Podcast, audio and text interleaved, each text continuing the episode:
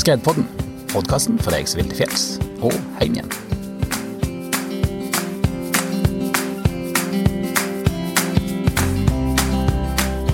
Hei og velkommen til Skredpodden.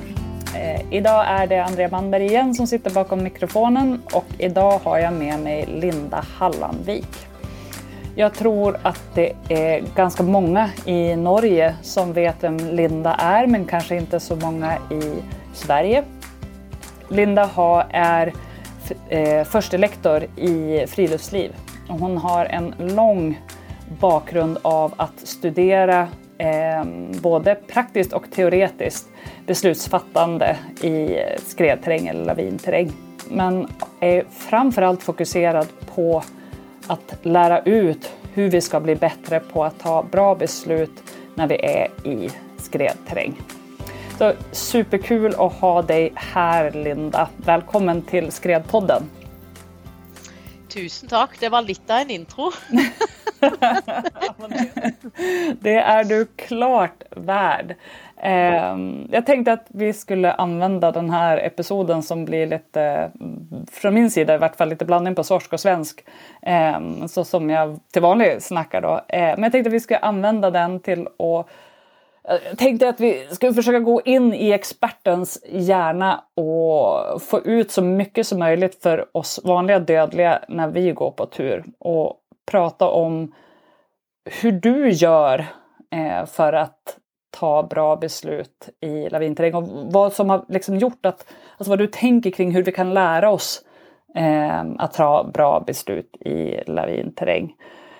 Eh, så jag, jag tänkte liksom sätta dig eh, på, på, på, vad ska vi säga, ställa dig på kanten och putta dig över kanten. Så om, om jag nu är en sån här person som, jag gillar att köra brant, jag gillar att köra väldigt eh, bra snö. Och så vill jag ju gärna leva tills jag blir gammal. Vad ska jag göra för att få till det?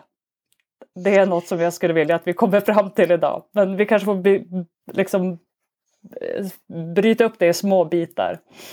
Mm. Men vad är dina ja, första tankar? Eh, mine første tanker er at jeg liker ikke å bli kalt ekspert. For det føler jeg kanskje ikke at jeg aldri kommer til å bli. Men jeg er i hvert fall, i hvert fall veldig interessert i å lære i enhver situasjon og ta med meg den og reflektere over de situasjonene. Og når du sier det med Altså, de fleste som har liksom blitt veldig flinke på ski, de har jo ett hovedfokus og ett mål. Det er jo å kjøre bratt, som du sier. Og det er liksom det som gir de dette store kicket, da. Men eh, Eh, nå har jeg jo undervist ganske mange år, og jeg har jo disse studentgruppene som du snakker om nå, de som liker å kjøre bratt. Og jeg tenker Den eneste måten vi kan jobbe med de på, det er liksom å La oss si at du kommer opp til et område som gir eh, muligheter for mye type terreng. da. Og så ser du at det, kanskje de ivrigste, de som liker å kjøre bratt, liksom ser bort på en liten sånn renneformasjon eller, eller ting som de er veldig gira på å kjøre, så, så, har jeg aldri noe imot å ta de med bort.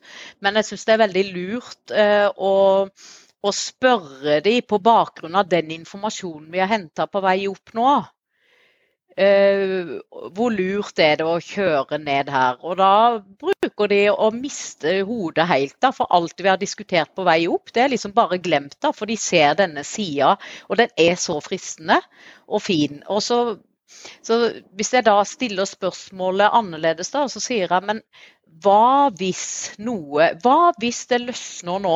Nå har vi funnet ut at den, det flaket det er relativt mykt. Det er flaket som kanskje kan løsne i dag, men det er et flak. Og det er flakdannelse i overflaten, og det er svake lag under, enten av nysnø eller av vedvarende svake lag av kantkorn f.eks.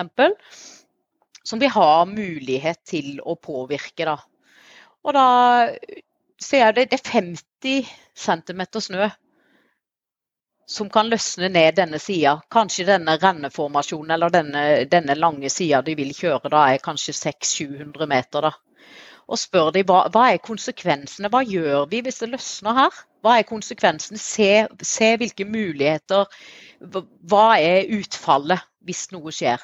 Og Hvis du får de til å sette ord på det, OK, vi, ser, vi må i hvert fall ikke treffe den steinen eller den nabben som stikker ut der. OK, men hvordan vil skredet gå her, da? Kan vi klare å unngå den hvis vi løsner noe i toppen her?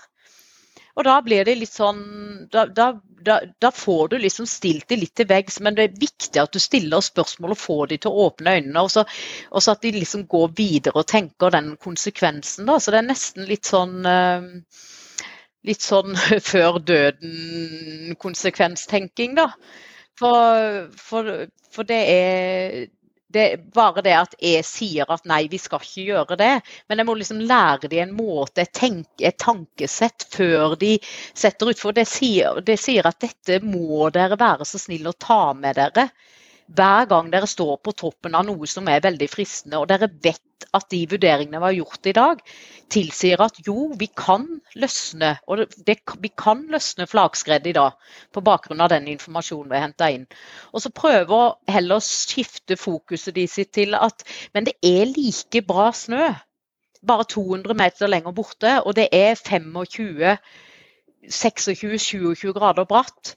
Og vi har gjort gode kalkuleringer. Vi, vi vet at vi, det er gode, trygge stoppesteder. Det er ikke én renne. Det er ikke, altså vi, det er ikke mye bedre for oss å gjøre denne renna når forholdene tilsier at dette kan vi gjøre på en trygg måte. Eh, så, så jeg prøver liksom å ta dem med ut i den direkte situasjonen. Da, og så og Hvis ikke det hjelper, så bruker jeg veldig ofte på vei opp, da, så bruker jeg veldig ofte sånne små testheng, små, små kuler som har innblåst snø, og så gjerne skjærer av spenningene under. Så får jeg liksom en og en student kanskje til å gå på kanten, og så se hva som skjer med belastninga da. Og hvis jeg klarer å løse ut noe da, så er jo det det beste virkemidlet. Hvis jeg klarer å vise dem hva, hva er det som skjer når vi påvirker denne snøen. eh, som, som, vi er redd for at skal eh, forårsake stygge ting for oss i dag. Altså, testheng og virkelige situasjoner, det er det som virkelig gir, uh, gir, gir læring. Da. Det mm. hjelper ikke å sitte og snakke i et klasserom og vise filmer. og det, det, det vi må liksom ut og i konkrete situasjoner og virkelig stille gode spørsmål, og ikke minst få de til å reflektere. da på konsekvenser. Mm, för det tänker jag, det är någonting som kommer tilbake eh, med, med, flere, vad jag, man inte får dem experter, men, men folk med mye erfaring og som har lyckats både köra bratt og overleve, eh, er at min forståelse av dem er at de tenker mye just konsekvens. At de, hvis det er liten konsekvens så kan de kjøre eh, bratt terräng när, om vi tänker oss att det, det är hög sannsynlighet i, i, relativt sett för, för ett skred, men konsekvensen är väldigt liten. Men visst, det är stora konsekvenser av att det går ett skred så vill de ha väldigt, väldigt stora eh, säkerhetsmarginaler eh, och väldigt säkra på att det inte ska gå skred. Att just det konsekven alltså, att verkligen se för sig, vad sker hvis jag har fel? Hvis jag har fel, vad, vad sker då? Um, och, och, det kanske är någonting som, som skiljer just eh, erfaret folk från nybörjare, att man har verkligen fått in den här konsekvenstänket och att om man skulle kan träna upp det eh, så, så kanske man har kommet kommit en bit på vägen. Ja, og så må du huske på at disse ekspertene som kanskje klarer å, eh, klarer å liksom beregne det, altså det, det, er liten konsekvens i dag, må huske på det at dette er folk som har fulgt med på et visst type snødekke over lang tid. De, de, har vært i fjellet gjerne tre-fire dager i uka, fulgt med på, på, utviklingen, satt seg inn i hvilke værsituasjoner tilsier at nå, nå bremser liksom kantkornoppbygginga opp. Mm. Nå, nå, vil den liksom bare bygge seg større. Og så er de ute og graver. Må huske det at de er ute og graver og føler på snødekket gjerne mange dager i forkant før mm. de gjør sånn og de, de er, Så, så det, er liksom, det, er liksom, det som kanskje skiller, tenker jeg, da de som de som eh, bare hiver seg ut på ting, eller, eller de som har virkelig jobba med snødekke lenge før de ser på at i dag så kan vi faktisk tillate oss å kjøre denne sida. Mm, Men det må liksom være de rette forholdene før man gjør det. Og hvis man skal vite om det er de rette forholdene, så kan vi ikke bare basere oss på hva vi har hørt at naboene har sagt når han var ute på ski. Da må vi sette oss inn i hvordan har snødekket gjennom vinteren vært. Mm. Hvorfor er det sånn akkurat der. Jeg at vi, vi, jeg vil gjerne prate litt mer om det, altså hvordan vi lærer oss å eh, lære oss om snø. Men, men bare for å tydeliggjøre at det jeg tenkte på når jeg tenkte det med konsekvens, er bare at just å se på, kanskje på terrengen. Eh, hva, hva, som skjer om det slipper, som du sa, om, man er en, eh, om det er en stor flanke som slutter i trær eller klipper. Eh, eller en renneformasjon som, som vindler seg og man, man støter på sten eller sånt. At, at redan der kan man jo tenke litt mer, eller om det är mm. alltså jämfört med et ett litet häng med en lang outrun eh, og man har folk som står og tittar på en og som er beredda at man kör en og en og det finns någon, många som kan, som kan följa med og redde en om man skulle ta fel. Men det är jätteintressant, det, alltså, det du pratar om, och du var inne på det, det här med att, att eh, man kan inte bara se på film. Eh, det finns ju en, en massa bra böcker och onlineresurser och man, det finns kurser som erbjuds med teoridelar. Um, men om jag förstått det rätt så upplever du att det, det finns en, en utmaning att, att lära folk om snö. Alltså hur ska vi bli bättre på att... Alltså, du pratar om vi har gjort den här bra värderingen på tur upp. Vi har hittat, vi har sett att det finns snön är lagdelad och det finns ett eh, svagt lager och, och vi har ett flak ovanpå. Men har du något... Om jag tänker mig nu att jag, jag vill bli bättre på att, eh, på att lära mig mer om snö. Och jag kanske inte bor, det är ju, många av oss är ju väldigt lyckligt lottade att vi, jag bor i Tromsö, du bor i Sogndal, eh, vi har nära till fjällen. Men om jag bor i Oslo eller Stockholm eller eh, Umeå och har många timmar till, till snöterräng, finns det något, alltså, om jag vill bli bättre, vad ska jag göra då? Um, jo, jeg har jo skrevet noen artikler på nettopp det, da. Uh, som handler om uh, denne tidsknappheten, da. Ikke sant? For det at hvis man bor i storbyen og skal, uh, og man har satt av på arbeidsplanen sin, man drar torsdag kveld den og den helga, da skal jeg være på tur i det og det området. Jeg tenker at i alle fall første dagen man er på tur, så velg en tur i oversiktlig terreng. Og gjerne i, eh, i eh, en sånn tur som gir deg informasjon fra mange ulike himmelretninger. Altså Hent inn, kjenn på snøen, hvordan oppfører den seg. Man har selvfølgelig henta inn masse informasjon fra Varsom og fra eh, gjerne reggopsobservasjoner og sånne ting. Men uh, i alle fall velg en tur, en konservativ tur den første dagen, og så kjenn på forholdene. OK, vil, hvordan, hvordan, tilsier de forholdene den, etter den første dagen at kan jeg gå opp f.eks. en terrengklasse? Er, hvordan er snødekket i den og den himmelretningen? Og så i alle fall ha litt tålmodighet, og så heller tenk at uh, disse fjellene de ligger her til evig tid.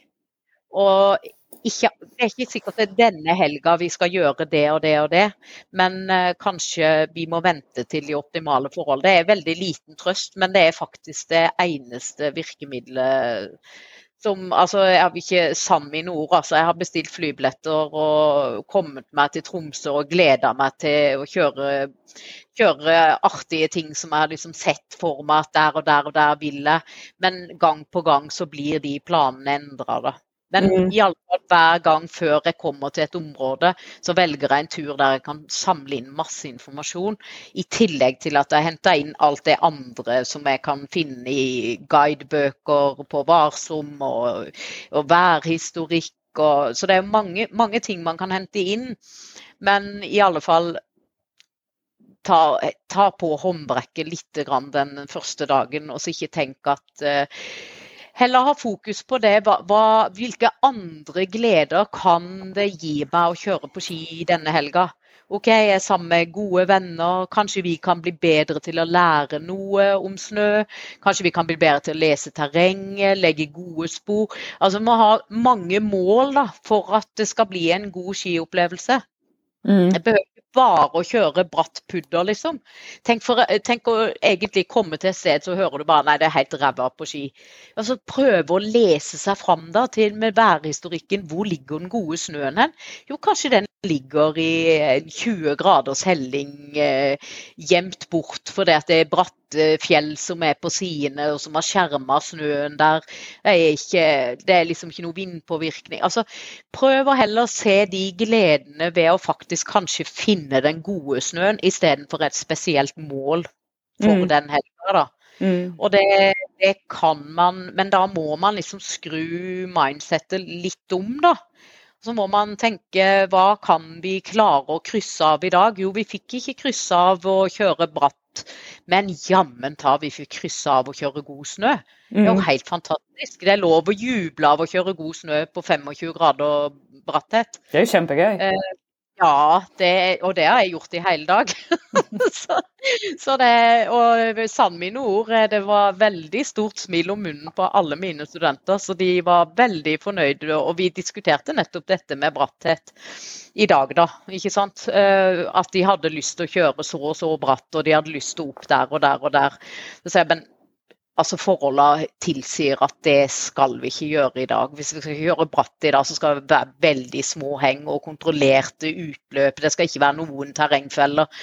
Så kan dere se noe sånn område her som vi er nå? Nei, det kunne de ikke da. Nei, så da, da må vi liksom ja, skru om hodet vårt, da. Men det er én ting vi helt sikkert skal få. Det er god snø, og vi skal ha det kjekt på ski sammen. Og så skal vi kanskje lære oss å håndtere grupper og ta vare på hverandre, da. Er ikke det litt OK?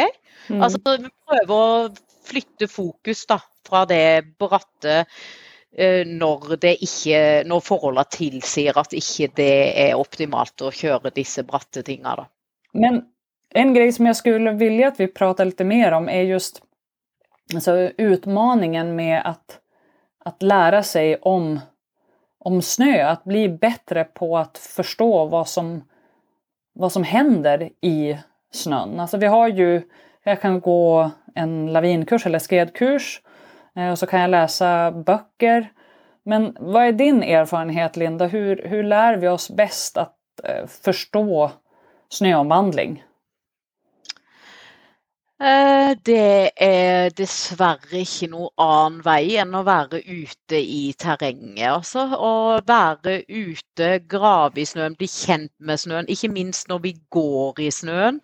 Altså hvordan kjennes det, og, og hva er det som skjer når vi går på ubunnen snø som, eh, som ikke har flaka seg, kontra det å jobbe med hva, hva som, Hvordan kjennes det på skia når det da f.eks. du kommer lenger opp og kjenner at oi, her er det, her er det forskjell på å dra gjennom eh, skia i denne snøen kontra, kontra den snøen vi hadde tidligere i dag, nede i skogen f.eks.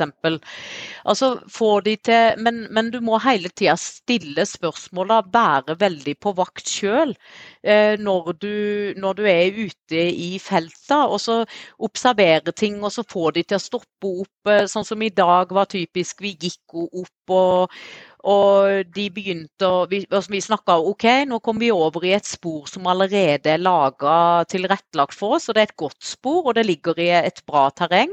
Det er fint og flott. Men eh, etter 50 høydemeter så tvinger jeg da studentene ut til å gå i villsnøen da, for å få en, en, en smak på hva, hva vil det si å gå her kontra dette opptråkka Sintra-sporet. da. Det gir oss ganske mye mer informasjon, og det må vi ikke glemme. da, og Det er typisk sånn når man kommer til et nytt sted, så har man hørt at den og den toppen er veldig fin. Og så går man i det sporet som allerede er etablert der. Men tenke litt over er det et godt spor, for det første. Og hvor mye informasjon får jeg fra snøen hvis jeg går i dette etablerte sporet. Jeg sier jo ikke det at du skal tråkke hele sida sjøl, for det er jo klart at det der kommer 30 cm nysnø, så er det jo tungt for de fleste å, å brøyte hele veien. Men jeg sier at eh, gå ut av den, det tråkka sporet i hvert fall hver fem, altså følg med på snøen og vær kanskje 50 høydemeter. At du er ute og kjenner og tar deg bryet til å lage spor ute i villsnøen. For det er da du får en kjennskap med den. Eh, men og, og, det la jo ikke disse studentene mine merke til i dag. Men når vi kom liksom da over skogen, så tvingra de ut i, i det vi kaller villsnøen, som ikke er der er spor i fra før. Og så ser de det at oi, det sprekker opp lokalt langs skien min, hva betyr det? Ja, hva betyr det? Ikke sant? Da må en liksom stoppe opp og så, og så, kanskje akkurat der bare ta hånda ned og kjenne. Og da klarte de å kjenne oi, det er jo flak her. Ja, så deilig. Ikke sant? Så det, dette her kan du ikke klare å lese deg til i bøker. Du kan ikke klare å, å lese deg til det eller se det på Du kan jo se gode, det er masse gode filmer på Varsom f.eks., men i tillegg til å, å innhente informasjonen på den måten, så må man faktisk ut. Og man må ofre mange timer ute på ulike snødekker for å bli kjent med hva, hva, hva er dette, og hva har det å si for oss og vår ferdsel i dag?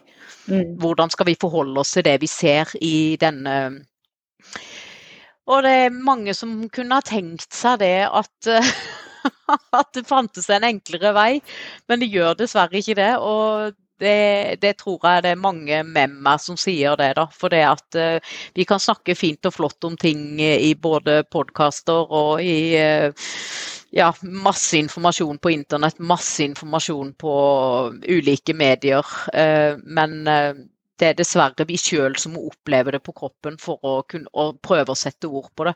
Gjerne bli med noen som kanskje er litt flinkere, som kanskje er interessert i å den læringsbiten, da, hva, hva, har dette å si for oss i dag på tur? Mm, det, og hvordan skal vi forholde oss til det? Mm, og, og det, man kanskje bare må innse det at det er, det er et langt og, og hårt jobb. Det er litt som, Iblant tenker jeg det når man skal gå i, når man går til en psykolog eller en terapeut eh, og skal få hjelp med sine psykologiske problemer, så er det så utrolig frustrerende. for Man vil bare gå dit, og så vil man at noen skal fixa en så man mår bra. Och så kommer man ut därifrån och inser att Däven, det här var ju otroligt jobbigt för att egentligen så har jag bara fått lite verktyg för att jag ska fixa mig själv. Eh, och det är en ganska lång process och, och detsamma är väl med, med snö, att lära sig att vi, vi, må, vi må läsa och sen må vi ut och, och, testa och diskutera och så måste vi kanske läsa eller se fler filmer och så må vi ut igen och så må vi fortsätta den processen länge och mycket. Och det är ett, ett hårt jobb att verkligen eh, förstå det här. Men visst jag förstått dig riktigt så, eh, och din måte att, att, eh, att undervisa, att, att verkligen kombinera kunskap från, från andra som vi tänker skrivna böcker eller eh, att ta kurser och ehm, få eh, in, alltså in, kanske filmer eller vad det nu kan vara. Och sen men att sen verkligen försöka att praktisera och att iterera mellan både det skrivna och, och det, det praktiska. Ja, og så må vi ikke glemme det at det er veldig mye som går an å lære i enkelt og oversiktlig eh, skredterreng. Men du kan være tett på, og der det, finnes det masse, masse, masse god læring. Så man må ikke tenke det at uh, Men hvis man bare går denne enkle turen mange ganger og ikke liksom ønsker å reflektere og ønsker å lære, så OK, det er greit. Det, da gjør man det for at man skal ha en god, en god trimtur, da. Og så en god opplevelse på ski ned igjen. Men man må jo ha det open mind, og så bli, være litt sånn OK, i dag skal jeg faktisk lære meg noe om snø, og grave i snøen, og ikke minst se det Eh, I dag har vi liksom bl.a. hatt litt fokus på, på, det hva er den blanke snøen og hva er den hvite snøen. Det er ganske vanskelig å se for noen som er ganske nybegynnere. Men da jeg, jeg bruker relativt uh, altså mye tid på bare det at de skal, de skal liksom bare se på f.eks. ha en, et rød, rødt spadeblad. da og så tar du, tar du, den hvite snøen, det som vi er helt sikre på er den hvite snøen. Og så finner vi kanskje den blanke snøen litt lenger ned, og så ser du forskjellen på de. Og da får jeg alltid sånn aha-opplevelse på de. Å, det er jo veldig stor forskjell, men det var ikke så tydelig når vi, vi gravde liksom snøprofilen f.eks. Så man liksom hele tida prøve å få de til å forstå og så prøve å bruke ting fra hverdagslivet, da, så de skjønner at det der med snøomvandling er egentlig ikke så komplisert. For F.eks. det i dag så spurte de om ja, men hva er det egentlig som skjer med de oppbyggende prosessene. Og da sier jeg men eh, OK, alle vi her vi har vært på hytte. Vi har vært på hyttetur på fjellet. Vi har kommet inn fra hyttetur, vi er fulle av våte skiklær. Henger de rundt forbi hytta, for vi vil jo ha tørre klær dagen etterpå. Og så må vi ut og hente litt ved. da. Vi har fått god fyr på hytta, men nå er det tomt for ved, og vi må ut og hente ved. Og der er det 20 minus, og det er 25 plussgrader i hytta. Hva er det som skjer når vi lukker opp den døra til 20 minus? Jo, det ble jo helt grått inne i hytta. Ja, hvorfor det? Ah, det er liksom vanndamp som fryser. Ja, ikke sant? Så man, man liksom prøver å, få kanskje ting som de kjenner til fra hverdagslivet, da. Og få dem til å skjønne at å ja, det er kanskje det som skjer når kantkorna bygger seg opp òg. Altså, det finnes masse sånne eksperimenter man kan gjøre. Ta varmt vann i ei flaske i 20 minus ta og så hive den rundt deg, så ser du at du får en sånn glorie altså der, der du ser at vannkrystallene bare fryser til is. Så, for, altså, så kanskje fordi at det er så vanskelig å forstå snø og forstå prosessene som skjer i snø, så må vi kanskje ta utgangspunkt i det de kjenner fra før. Mm. Som kanskje gir mer mening, da. Eh, så det har jeg brukt ganske mye tid på. Jeg har ikke minst veldig mange gode kollegaer som jeg jobber sammen med, så vi sammen eh, lærer mye av hverandre og lærer pedagogiske triks da, som vi kan bruke for å, få folk til å skjønne bedre de prosessene som skjer i snøen. Da. Mm. Og bare for noen som sitter og lytter her som ikke vet altså den hvite snøen og den blanke snøen, eh, vad, vad, du menar med det och varför det är viktigt att kunna, alltså vilken information vi kan få ut av blank snö. Vad betyder det att vi ser blank snö? Mm. Det, da eh, Hva vil du si? Er den blank og løs, den snøen, så kan vi antageligvis tenke oss, eh, i hvert fall nå på denne tida av året, vi graver en snøprofil, så ser vi at her ligger det liksom blank og løs snø. Og vi ser forskjell på den blanke, løse snøen mot den hvite så, så, driver jo vi og ser i lupe, da, men det er jo kanskje ikke så enkelt for de som ikke er helt nerder. da. Eh, men da kan vi i alle fall eh, fastsette at OK, her er det noe Her er det et svakt lag. Så, altså, den er jo helt løs, den snøen. Og så er jo fokusere på det at dette, dette er liksom kanskje som champagneglass da, som står nede i snøen, bare de er veldig bitte, bitte små.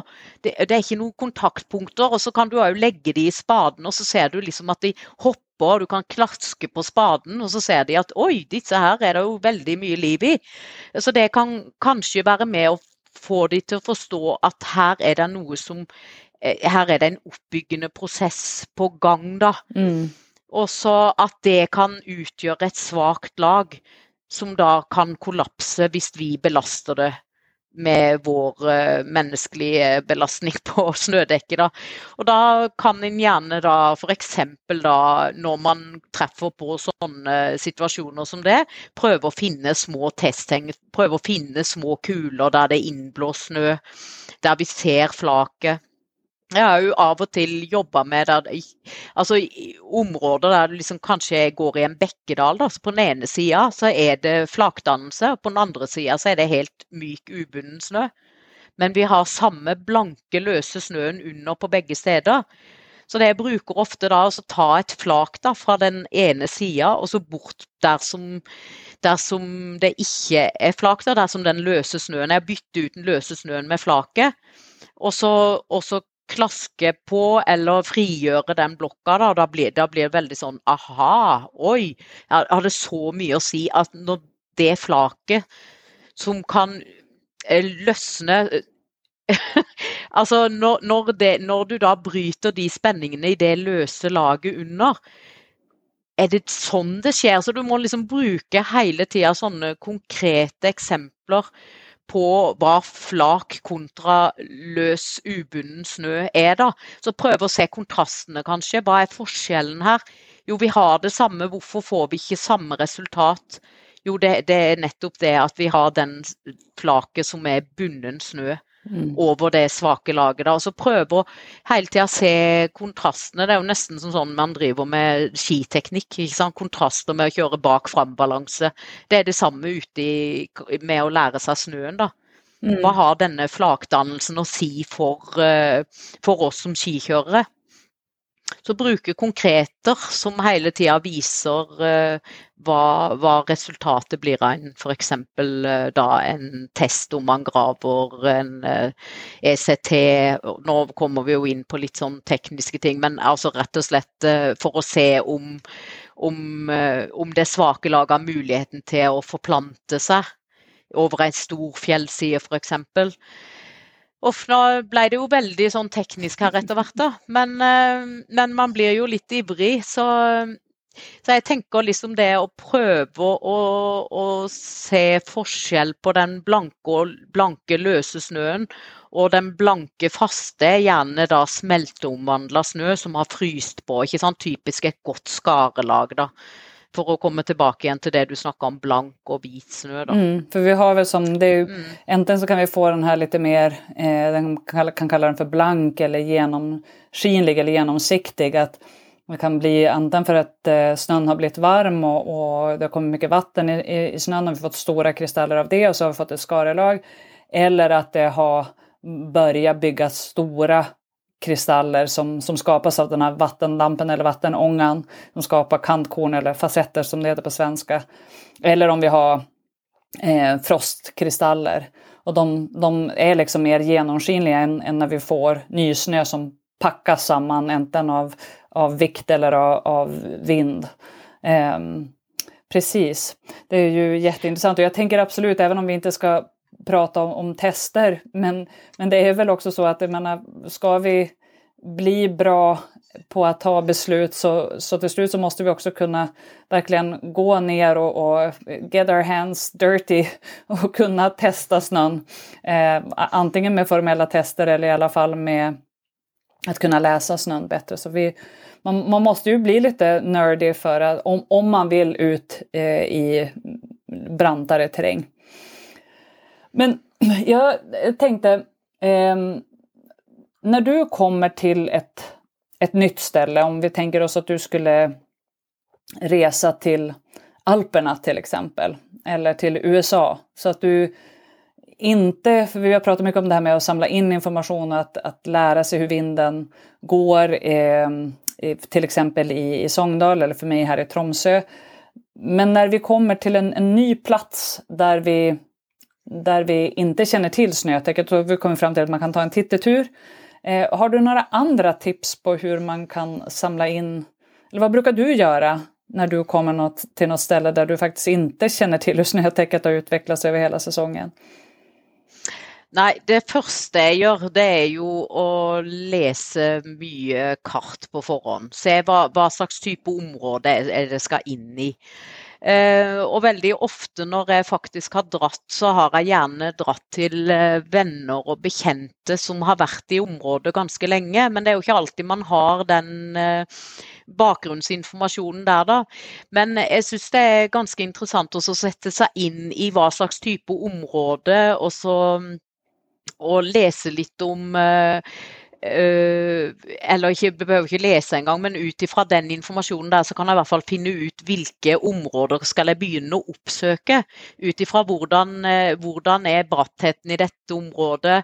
Er det lange, bratte sider, eller er det faktisk uh, en, del, en del variasjon i terrenget, sånn at jeg kan innhente faktisk ganske mye informasjon i heng som, kan, som tillater meg at jeg kan faktisk bevege meg ut i bratt bratta, men at ikke det gir Så er vi tilbake til det vi snakka om først, som ikke gir store konsekvenser.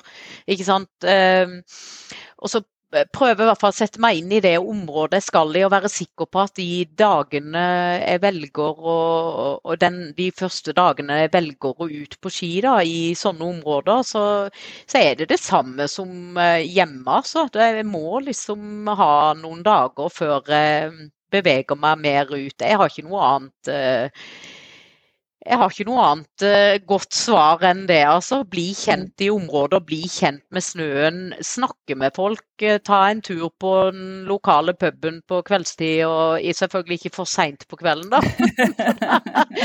da kan det være at alt går i gleden når man skal ned, uh, eller på, ut på ski. Men, men jeg tenker å ha respekt for de folka som bor der, og som og, det å få informasjon og det å ikke tenke at du sjøl sitter på all kunnskapen og at du sjøl skal kunne klare å eh, innhente all informasjon, da. Man må liksom eh, man må liksom være konservativ de første dagene, og så kan man da diskutere med folk i nærområdet som har stått mye på ski der. Og, og eventuelt ta tak i en guide, og det har jeg faktisk gjort en del ganger når jeg har vært i Alpene.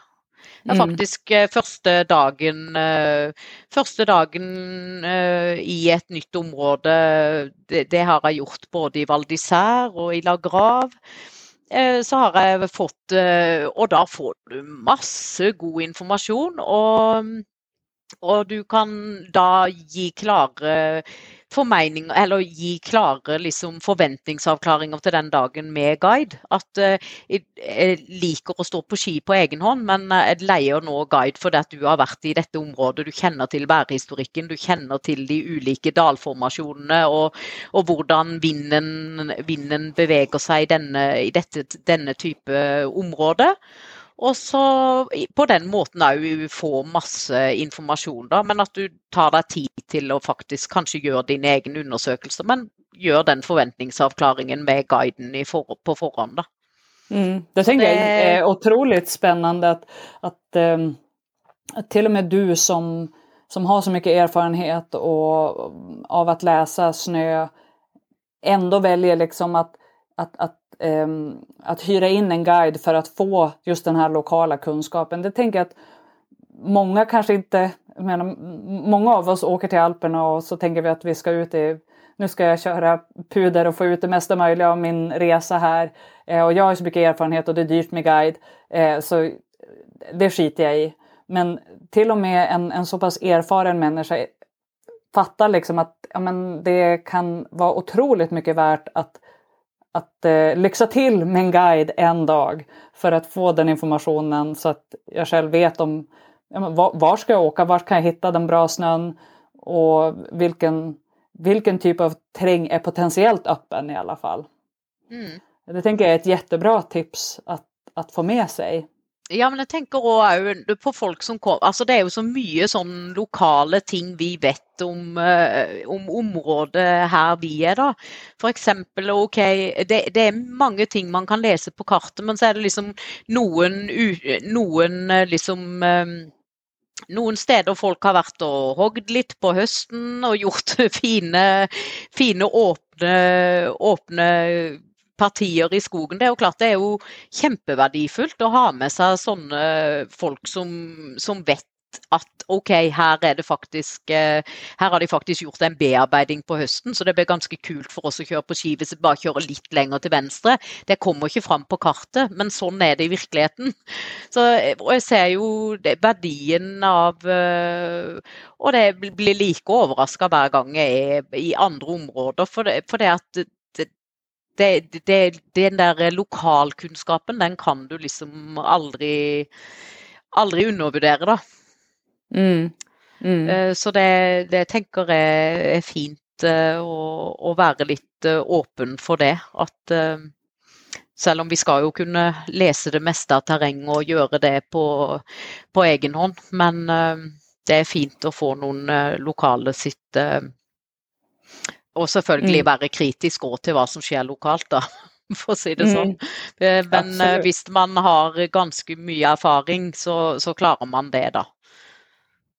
Mm. Men du sa også at du, bruker begynne börja med å titte på, på kartor.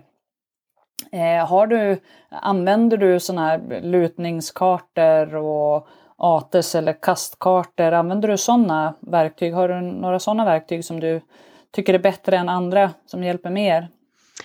Eh, jeg prøver jo eh, Jeg prøver jo, men det er jo sikkert litt sånn skada, da, for vi jobber mye med disse terrengfaktorene i f.eks.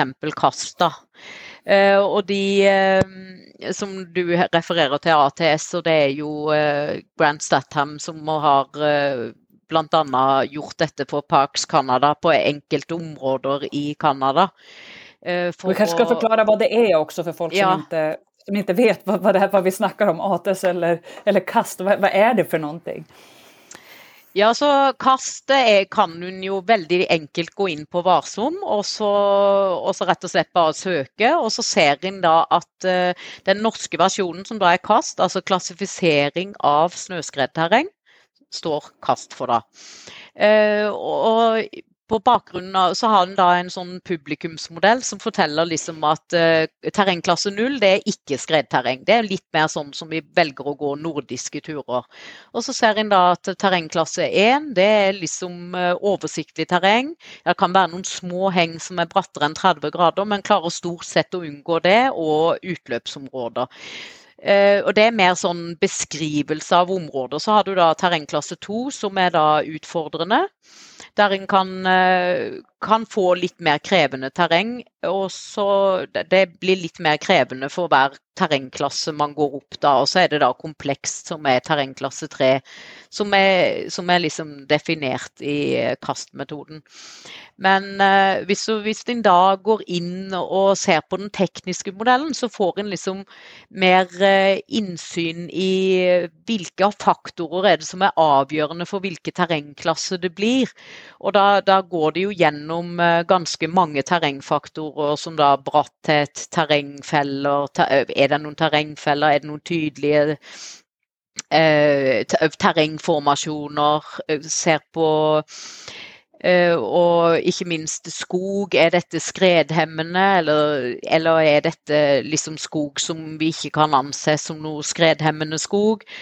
Uh, og så har du da løsneområder, utløpsområder, veivalg og eksponering og masse sånn informasjon. Hvis man liker å jobbe med jeg syns jo det er veldig spennende å jobbe med nettopp disse, og spesielt litt sånn systematisk kanskje når vi er på tur, da. Å lære, lære seg det å gjenkjenne skredterreng og vite hva slags type terrengklasse er det faktisk er planlagt en tur i. Og det kan jo det kan jo være litt lurt å faktisk Altså det i det er det vel står i Fredstone og, og Fesslers i bok, så står det vel det If you can't manage the snow, then you have to manage the terrain. Ikke sant? Og det, er, det syns jeg Det bør vi kunne unne oss, da. Og vite litt om hva slags type terrengklasse er det jeg beveger meg inn i nå. Eller hva er det planlagt en tur for i dag. Og det kan uh, gjøre at man kan gå en tur med lave skuldre, i hvert fall de første dagene når man er på tur. da. At man setter seg litt inn i hva slags type terreng er det faktisk jeg velger å planlegge tur i. Mm.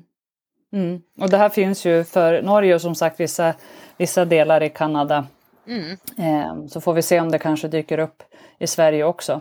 Om vi skulle kunne prate om noe som du tror at folk glemmer bort å få med seg når de, når de går kurs. altså hva, hva, er det folk ikke fatter at de må lære seg? Kan mm. Ja, eh, og det jeg i alle fall er veldig opptatt av når jeg skal holde kurs, det er å få litt bakgrunnsinformasjon, sånn at jeg snakker et språk som deltakerne skjønner.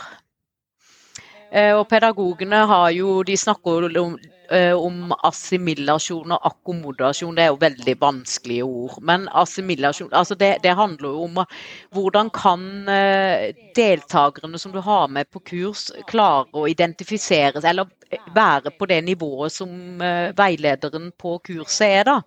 Og Det er utrolig viktig at man ikke liksom hever altså For vi kan jo så utrolig mye, vi som holder kurs.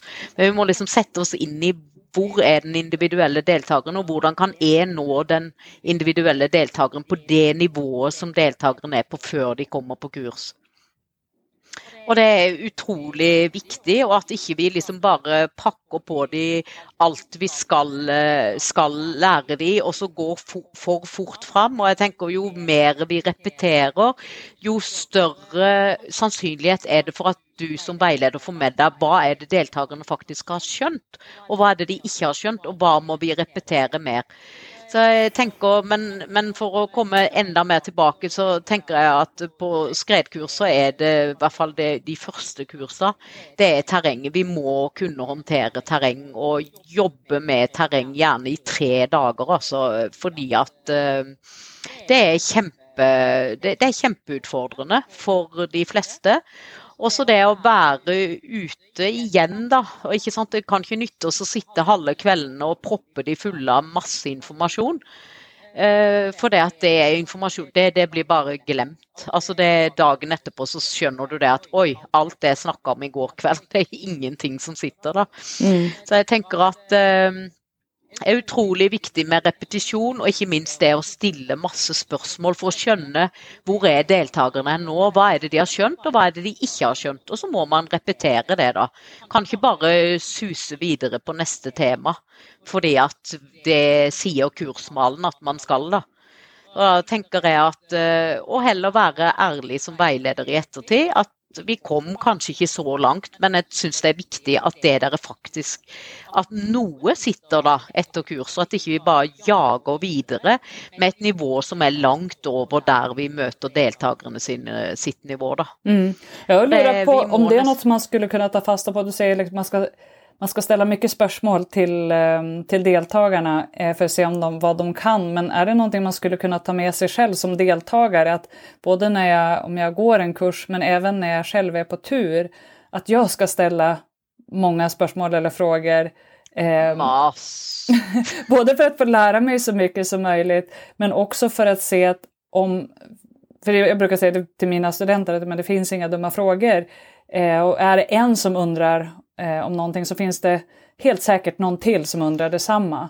Eh, men då tänker jag att om, om jag märker att jag har en fråga, det är någonting som jag inte förstår, och så finns det Antingen så kan min lärare inte svara på det här, då är det ju illa, men om dessutom de jag är på tur med inte kan svara på det här, så är ju det kanske en ganska tydlig indikation på att då, då ska vi inte vara i, i eh, utmanande eller komplex terräng om vi inte om, om, jag inte har, om det här, då är det någonting som jag måste lära mig. Eller vi kanske kan lära oss tillsammans. Ja, og, og, der igjen da, så, så, tenker jeg, som du sier, at selvfølgelig så må du ha en åpenhet. At spørsmålene kan stilles begge veier. Og jeg veldig ofte så prøver jeg å lese ansiktsuttrykk når jeg da prøver å formidle noe ute. Så sier jeg skjønte skjønte vi dette? Det er veldig lett da for deltakerne å si eh, ja. Ja, ja, ja, for alle nikker, og alle er veldig stort sett fornøyd. Ja, men så flott, da. Kan, kan ikke du beskrive det med dine ord?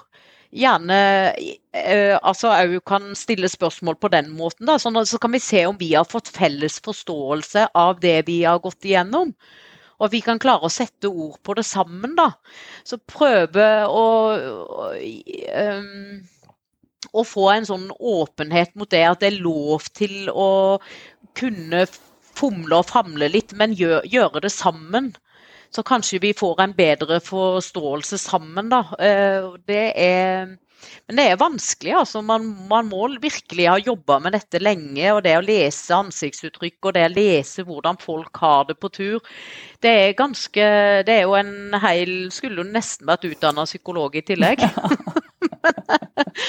men, men det, det, det, er jo det jeg syns er spennende da, med folk og nye folk. Og, så det tenker jeg at er litt viktig at man faktisk har en interesse av å ikke bare formidle et kurs og innholdet i et kurs, men òg faktisk være interessert i de menneskene som skal lære. Og på den måten så tror jeg vi når de på en lettere måte, og på, kanskje på en bedre måte mm. enn hvis, uh, hvis, vi ikke gjør det. da. Men det var kanskje ikke det du spurte om? jo, men det, det er utrolig interessant. Jeg tenker at Vi har jo lyttere som er eh, lavininstruktører og skredinstruktører også, som hur, hva skal vi gjøre for å lære ut så bra som mulig? Eh, og att det å møte folk der de er, tenker jeg er, är jätteviktigt og også utmane de som, som är på, på kursen att de inser både själva vad de inte kan och vad de måste lära mer om men också att ibland kan det ju vara en enorm boost när man lyckas formulera saker med sina egna ord och inser att man mm. faktiskt har förstått någonting. Att man får en djupare förståelse av, av det. Jag tänkte att vi skulle avrunda och, och, jag tänkte att jag skulle försöka, försöka mig på att, att eh, uppsummera Linda Hallandviks tips får du säga vart jag har fel.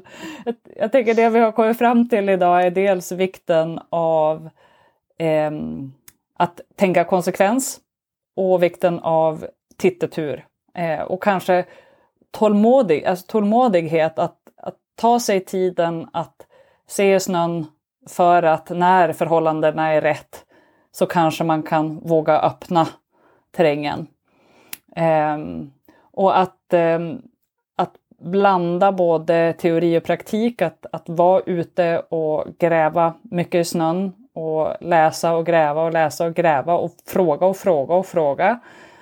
Eh, och vad tänkte jag mer? Så vi har sagt tittetur, tålmodighet, eh, utnyttja den kunskap som finns där och, och, fråga.